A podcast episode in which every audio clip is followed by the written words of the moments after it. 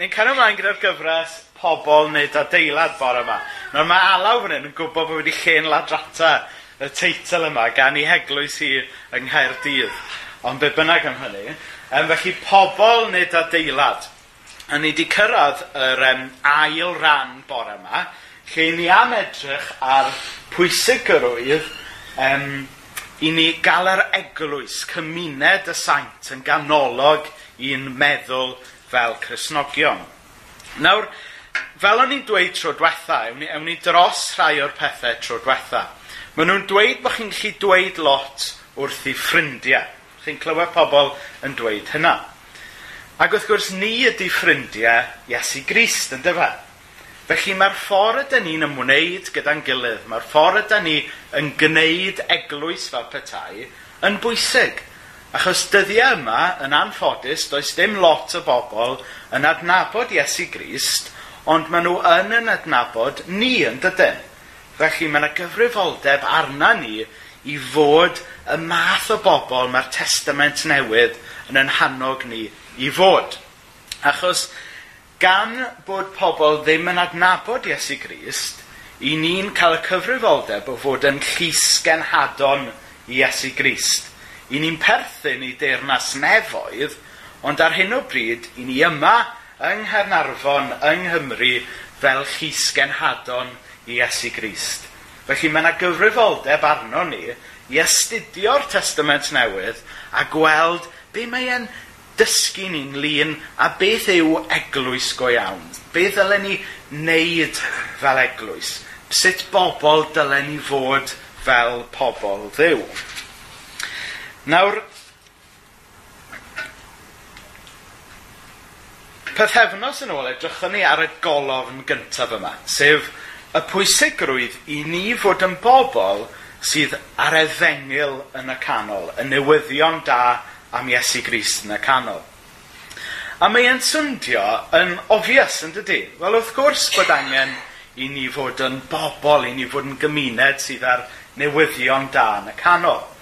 Ond weithiau mae angen atgoffa'n hunain o'r hyn sydd yn amlwg yn does. Achos mae gyda ni lot o bethau eraill yn gyffredin.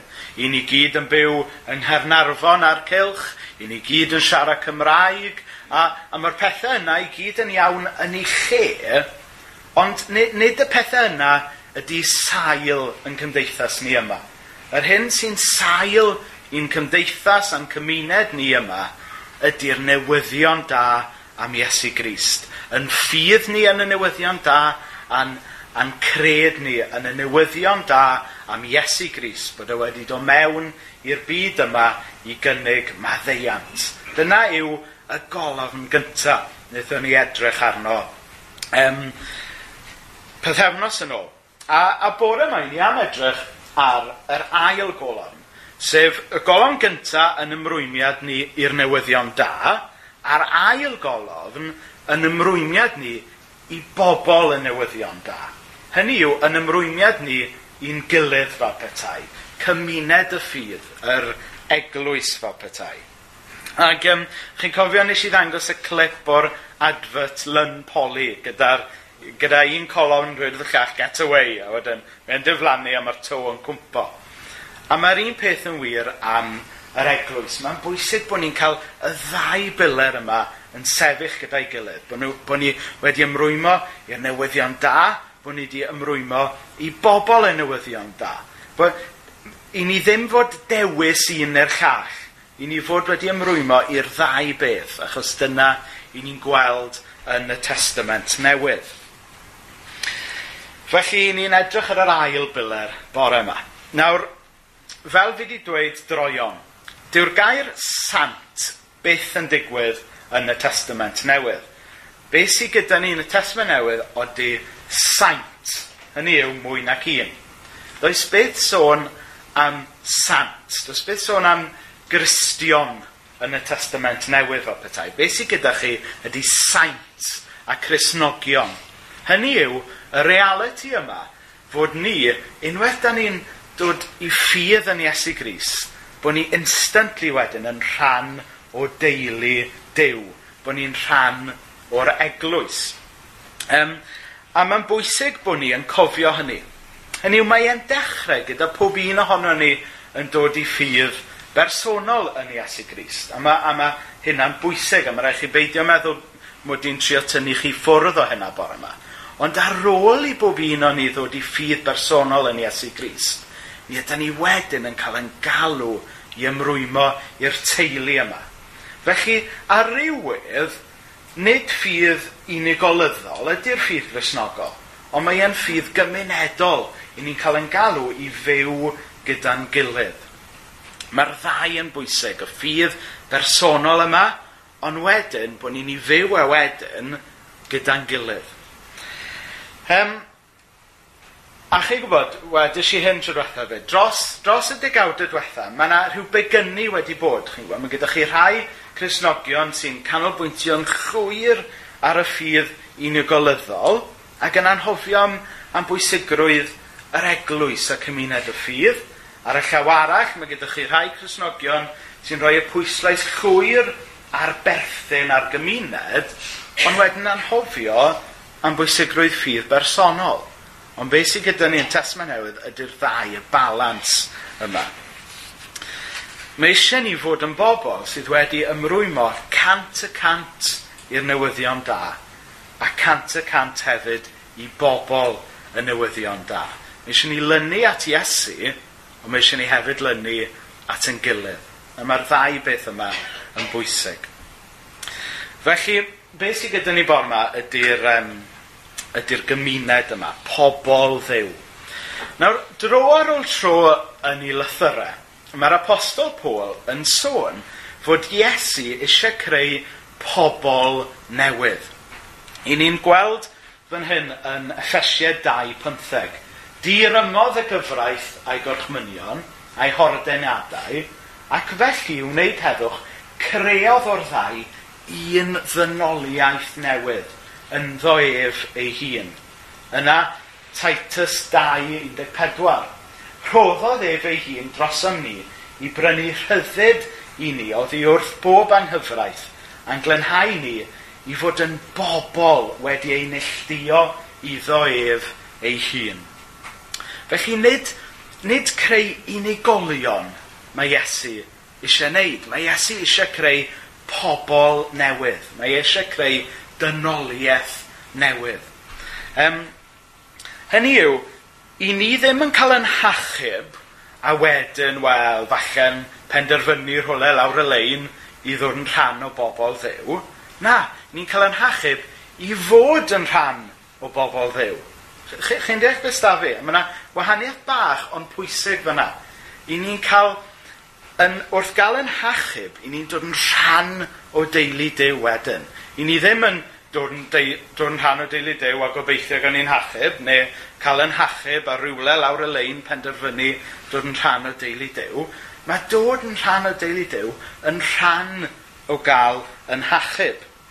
Nawr, tro diwetha wnaethon ni weld bod yn rhaid i'r efengil fod yn ganolog i'r eglwys. Ond bore yma gobeithio bod ni'n gweld bod rhaid i'r eglwys fod yn ganolog i'r efengil fel petai.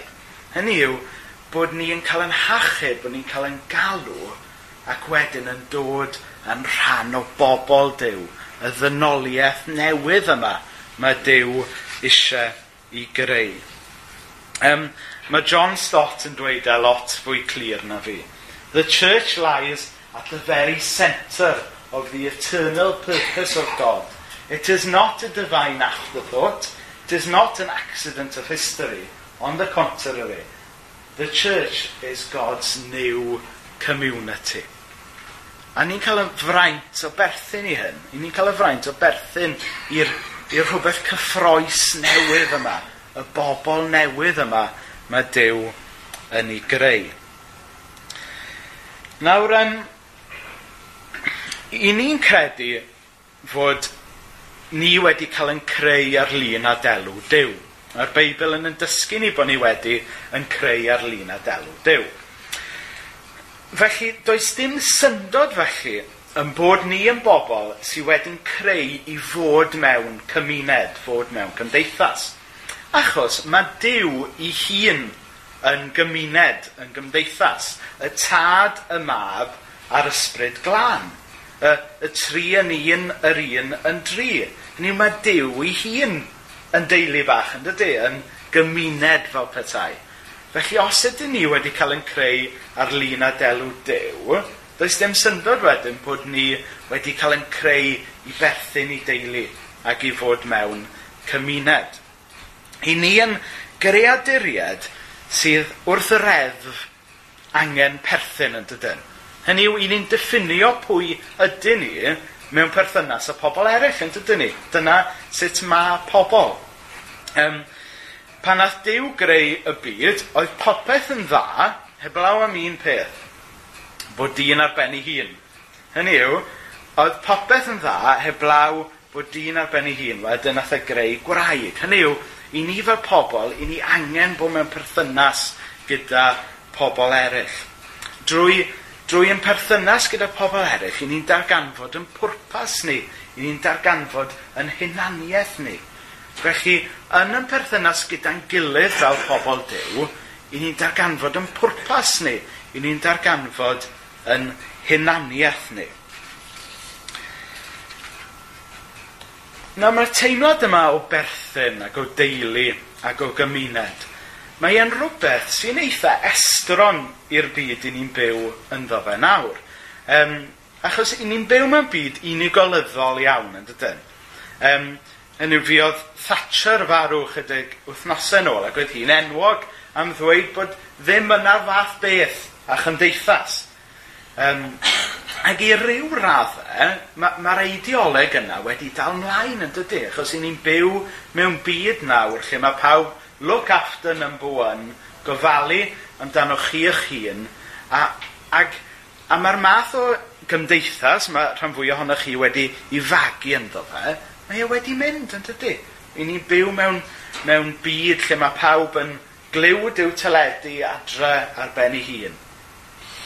Felly, mae gyda ni fel Cresnogion rhywbeth arbennig iawn i gynnig i'r byd o'n cwmpas ni yn does. Hynny yw, i ni'n byw mewn byd sy'n llawn o bobl unig. I ni'n byw mewn byd sy'n llawn o bobl sydd ddim yn teimlo bod nhw'n perthyn nynlla bellach. Felly mae gyda ni yn Iesu Grist ac yng nghymuned Iesu Grist rhywbeth arbennig iawn i gynnig i'r byd o'n cwmpas ni. Mae gyda ni newyddion da sydd yn cynnig maddau pechoda pobl, Ond wedi hynny, mae newyddion da hefyd yn dweud reite, chi'n rhan ohono ni nawr, chi'n perthyn i'r teulu, a chywch chi gael pwrpas, a chywch chi gael hunaniaeth nawr yn Iesu Grist. Felly, yn sydyn reit, mae, mae deall beth yw teulu a cymuned yw yn rhan bwysig iawn o ddod a gobeith i'r byd sy'n o'n cwmpas ni nawr. Nawr, chi'n mynd i cael gwers groig nawr. Um, coenonia.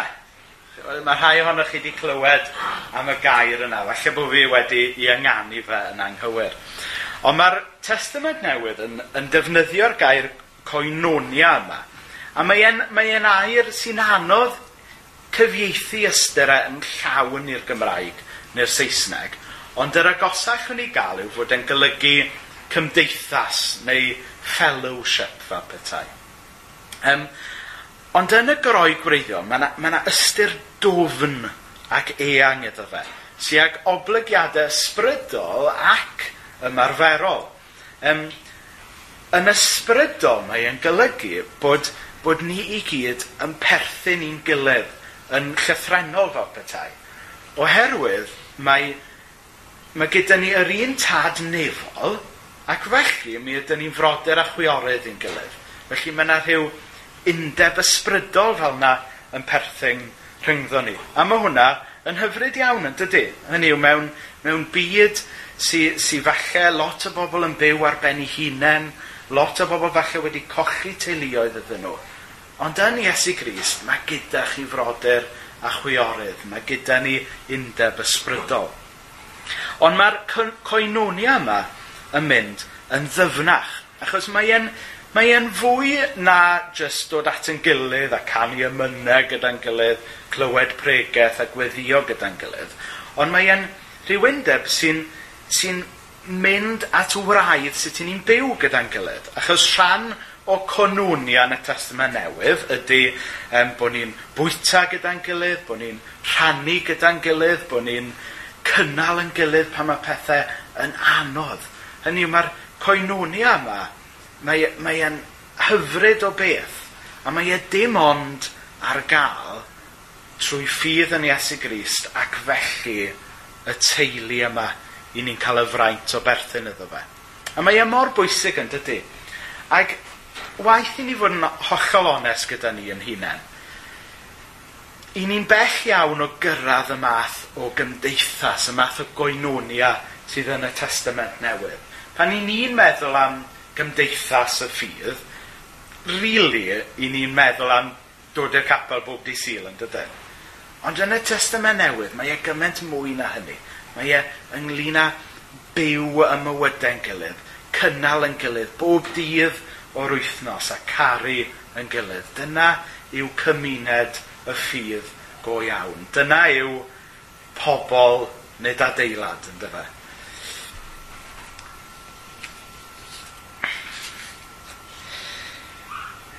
Nawr, ystyr hangach hyn wedyn yw pan i ni'n meddwl am gair Salem nawr, beth sy'n dod i'r meddwl yn seithben ydy'r adeilad, wath, wath i ni gydnabod. Pan i ni'n dweud bod ni'n mynd i gair Salem, i ni'n sôn am fynd i'r adeilad yn dydyn.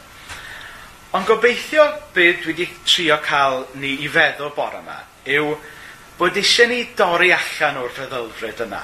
Achos nid fan hyn yw Carsalen, ond chi yw Carsalen.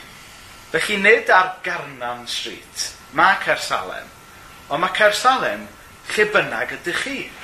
Adre, yn yr ysgol, yn lle bynnag i chi'n gweithio. Hynny yw mae cymuned y ffydd, nid adeilad yw e. Cymuned y ffydd ydy pobl y ffydd, lle bynnag i chi. Felly, er yn bod ni yn gweddio bod pobl yn dod yma i gael blas o Cersalem, dyle pobl cael blas o Gersalem jyst wrth bod nhw yn eich cyfarfod chi, wrth bod nhw yn eich adnabod chi. Dyna beth yw teulu'r ffydd go iawn. Pobl nid adeilad. Nawr, wedyn ni bythefnos nhw bod angen i ni fod yn eglwys efengil ganolog. A wythnos hyn, i ni wedi dweud bod rhaid i ni fod wedi ymrwymo i'r eglwys i bobl y ffydd. Achos mae Dyw wedi yn galw ni i wneud mwy na gwrando pregeth. Mae Dyw wedi yn galw ni i wneud mwy na canu ymynau. Mae Dyw wedi yn galw ni i fod yn bobl newydd iddo fe. I fod yn rhan o'r ddynoliaeth newydd yma mae e yn ei greu. Rhan o ddynoliaeth sy'n perthyn i fyd sydd i ddod. Ond i ni'n cael y blagur nawr. Nawr i fi'n tyfu lant newydd ar hyn o bryd yn yr ardd. Um, a mae'r a bore ddoe nath, nath jyst yr blagur, y gwair bach ddechrau torri trwyddo ac o'n i mor excited. um, nawr, chi yma ydy blaen ffrwyth, ydy blagur y byd sydd i ddod. Mae'r ddynoliaeth newydd, mae e dim ond mynd i ddod i'w lawn dŵr pan mae Iesu'n dod nôl. Ond mae Dyw wedi eich dewis chi i fod yn flaenffrwyth y ddynoliaeth newydd yma. A mae hwnna'n gyffroes iawn, yn dydy? Hynny yw, mae, mae jyst derbyn maddeiant yn anhygoel o beth.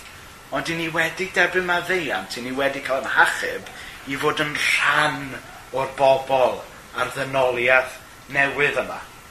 A dyle hynna eich cyffroi chi. A dyle hynna rhoi pwrpas anhygoel i'ch bywydau chi ac i'n bywyd ni gyda'n gilydd fel eglwys. Er mwyn i enw, Amen.